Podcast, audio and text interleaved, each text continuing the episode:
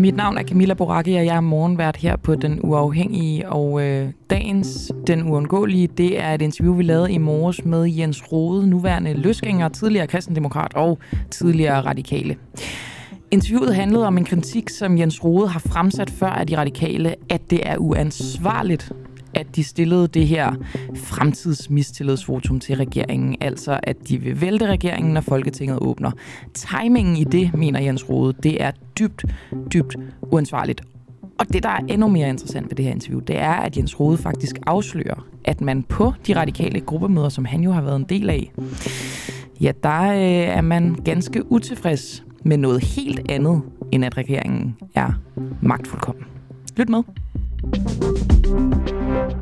Nu skal vi til, uh, de, til de radikale, og så Jens Rode, tidligere medlem af de radikale, nu, uh, nu løsgænger.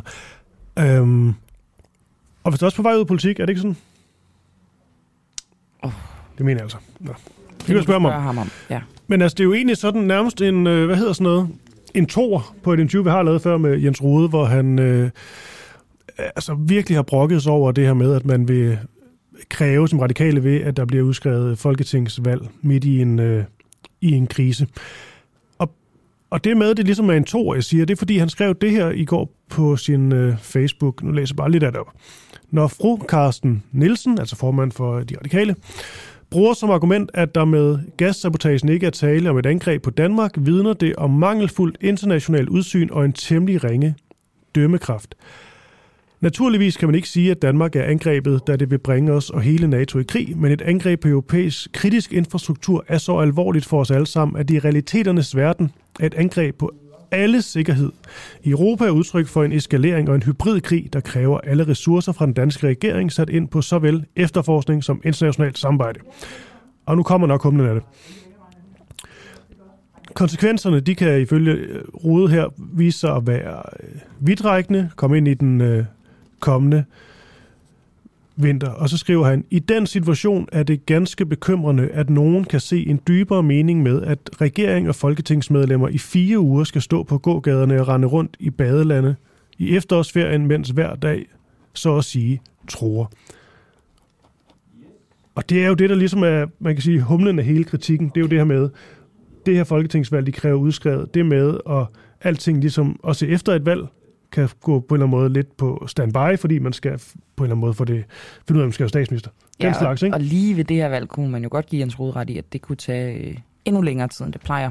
Det med at finde øh, en regering og en statsminister. Ja, så på en eller anden måde virker det til, at der er sådan en dobbelt, øh, en dobbelt kritik her. Både det med, ja, godmorgen Jens Rode. Godmorgen. Er det, er det rigtigt forstået, at der, altså, der er både en kritik her af øh, det med deres krav om at få udskrevet et øh, folketingsvalg, som du også var ude med før, men også virker til en kritik af fru Carsten øh, Nielsen og radikale, og noget af det, der bliver sagt om det her, det her angreb. Ja, kan vi, øh, absolut. Kan, kan vi lige tage den først? Hvad er det, du, øh, du kritiserer Carsten Nielsen for? Jamen i virkeligheden kan man næsten sige, at der går en lige linje fra hendes Facebook-kampagne på 24 timer mod øh, krænkelser, som jo havde sådan lidt til formål at øh, skjule ledelsens egne krænkelser. Vi ved jo i dag, at Sofie Karsten Nielsen jo øh, dengang excellerede i at øh, ringe rundt til de krænkede offer og øh, bad dem om at holde inde og med anklagerne. Øh, så, så den kampagne havde jo bare til formål at skjule ledelsens egne krænkelser dengang. Og på samme måde handler det her jo om at øh, skjule hendes egen magtfuldkommenhed. Fordi den radikale udgave af magtfuldkommenhed, det handler jo om, at man ikke vil finde sig i, at vi har en regering, der rent faktisk bruger skiftende flertal. Altså at man kan finde på at lave politik uden om radikale øh, venstre. Og så går man ud og beskylder, når regeringen rent faktisk gør det, og dermed jo sikrer på den måde en mindretalsbeskyttelse ved, at alle partier bliver involveret modsætning i modsætning til nullerne for eksempel, hvor vi jo bare lavede vores flertal sammen med Dansk Folkeparti, ja, så kommer man ud og beskylder regeringen for at være øh, magtfuldkommen. Så det handler jo hele tiden om at skal vi sige, skjule, at man selv er det, man påstår hele tiden at bekæmpe.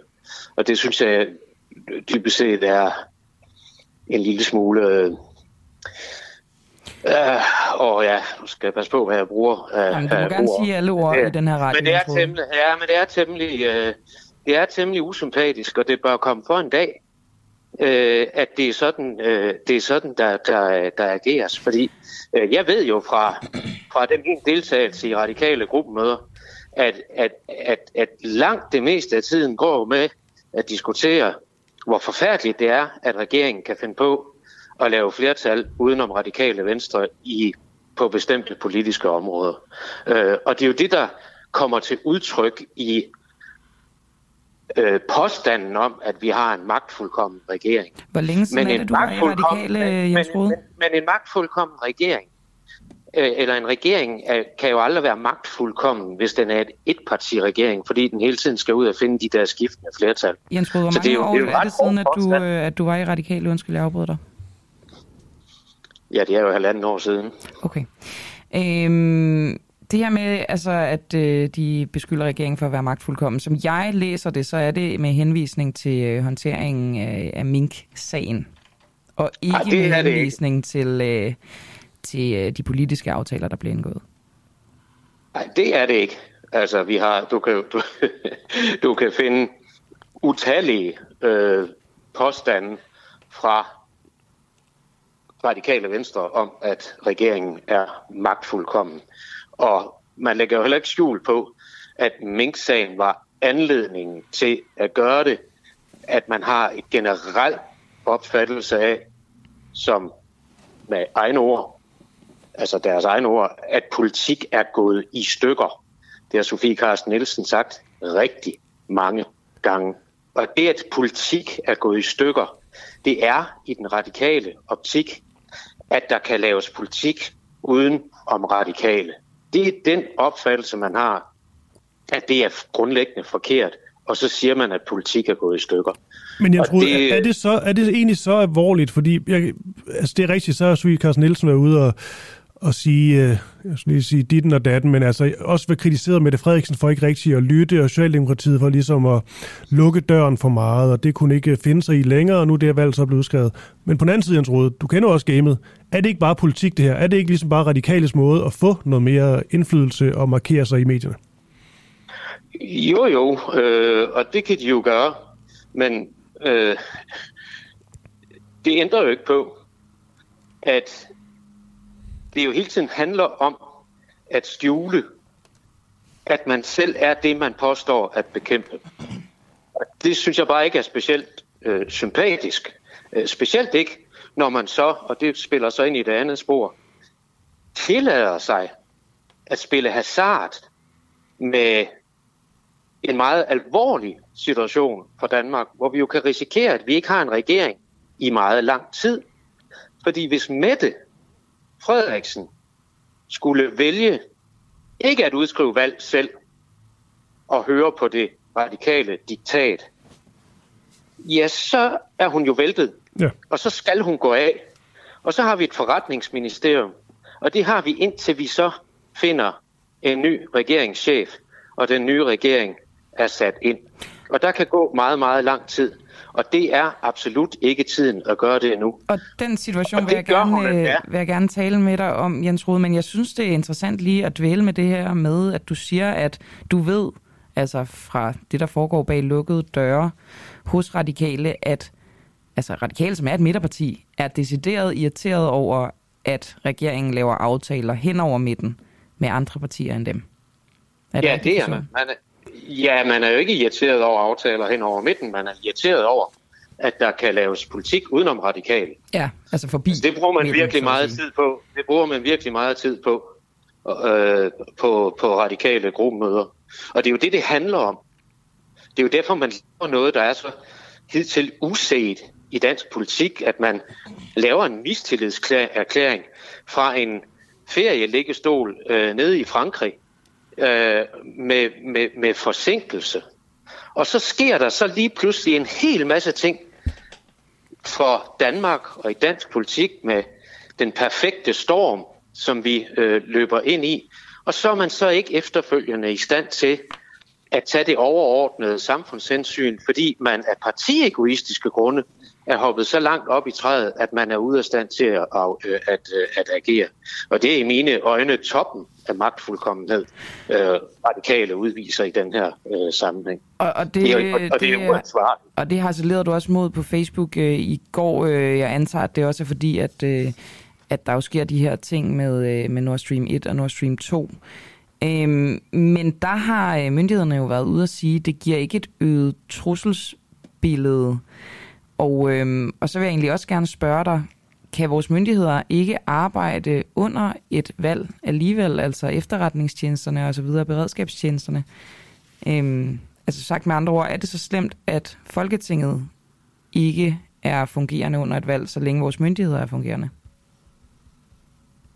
Men hvis vi kigger på trusselsniveauet, så er det at få skabt endnu større usikkerhed, det at gaspriserne stiger yderligere, og dermed inflationen yderligere, det er jo et usikkerhedsmoment. Samtidig har vi også en masse politisk, diplomatisk arbejde, der gerne skal udgå fra en aktiv regering, en handlekraftig regering, et beslutningsdygtigt folketing.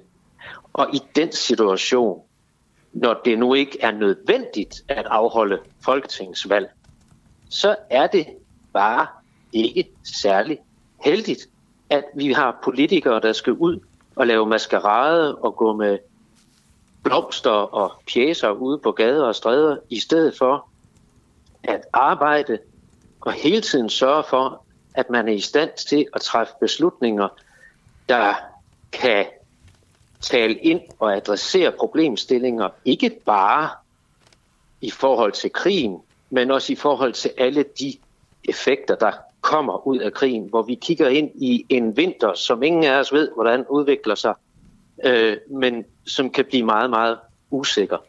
Vi havde eksemplet i 70'erne, hvor vi havde valgt hvert andet år under de skiftende kriser, der også var der. Og konsekvenserne var jo til at tage og føle på dengang. Der blev aldrig styr på tingene. Og prisen, den betalte vi så op igennem 80'erne. Okay, Jens Rode, øh, sidste øh, spørgsmål, så slipper vi dig. Du skriver til sidst i det her Facebook-opslag, det er så dine ord. Jeg husker, at Marianne Hjelved engang sagde, at Anders Fogh var en farlig mand for Danmark. Den rolle har fru Carsten Nielsens overtaget med piber, trommer og, kæmpe, og et kæmpe nys. Det leder mig lidt til nogle af de øh, spørgsmål, vi også får fra lytterne, og det handler om, at du er måske sur over, at Morten Østergaard måtte forlade posten, og det her det er gammelt nag, at du nu går efter Sofie Carsten Nielsen. Jeg bliver også nødt til at spørge, fordi det virker også lidt personligt noget af det her. Er der også en øh, bitter personlig strid bag alt det her, Jens Rode? Jamen, folk må jo øh, lave motivforskning lige så tosset de vil. Det kan jeg jo ikke ændre på. Nu spørger jeg dig. Altså, jeg, nej, jeg prøver sådan set bare at, øh, at lægge frem, hvad, hvad, hvad, hvad, hvad jeg mener er et alvorligt problem her. Har du, det er jo, har du haft som, en god relation til Sofie Carsten Nielsen egentlig? Det er jo, som jeg sagde før, øh, også da jeg forlod partiet, at Radikale Venstre har udviklet sig til et aktivistisk kampagneparti, og frem for at være det midtersøgende parti, der tog de overordnede samfundsansvar og altid havde helikopterblikket. Og det er jo en udvikling, der er, der er sket over tid. Øh, nu står den så bare i fuld flor. Jeg mener ikke, det er ansvarligt at forlange folketingsvalg i utide på nuværende tidspunkt. Og jeg mener heller ikke, at hendes konstante påstande om, at politik er i stykker, og hendes konstante påstande om, at Mette Frederiksen er magtfuldkommen, har noget rimeligt på sig, og det er det, jeg går op imod. Okay. Så må folk så lave alt den motivforskning, de har lyst til. Jeg prøver bare at gå op imod det, som Sofie Karsten Nielsen påstår, fordi jeg mener, at det i virkeligheden er for at skjule, at hun selv er alt det, hun påstår at bekæmpe. Det er modtaget. Jens Rode, øh, det var egentlig det. Det var en, øh, en fornøjelse at snakke med dig, og kan du have en øh, fortsat god torsdag? Tak, i lige måde. Tak, tak. Her var det altså folketingsmedlemmer løsgænger Jens Rode. Hvis du har endnu mere tid i dag, så synes jeg, du skal lytte til programmet, fordi vi har Jesper Olsen fra øh, den organisation, der hedder Transparency International med, som talte om, hvad skal man sige, problemerne med Vækstfondens konstruktion, altså statens vækstfond, at øh, der ikke er nok gennemsigtighed i Vækstfonden. Derudover så talte vi også med Marie Kraup, som er øh, rørende enig med Viktor Orbán i noget angående sanktioner mod Rusland fra EU. Har lige lyttet til den uundgåelige fra den uafhængige. Tak til vores medlemmer for at gøre det muligt. Du kan støtte kritisk og nysgerrig journalistik ved at blive medlem på www.duah.dk.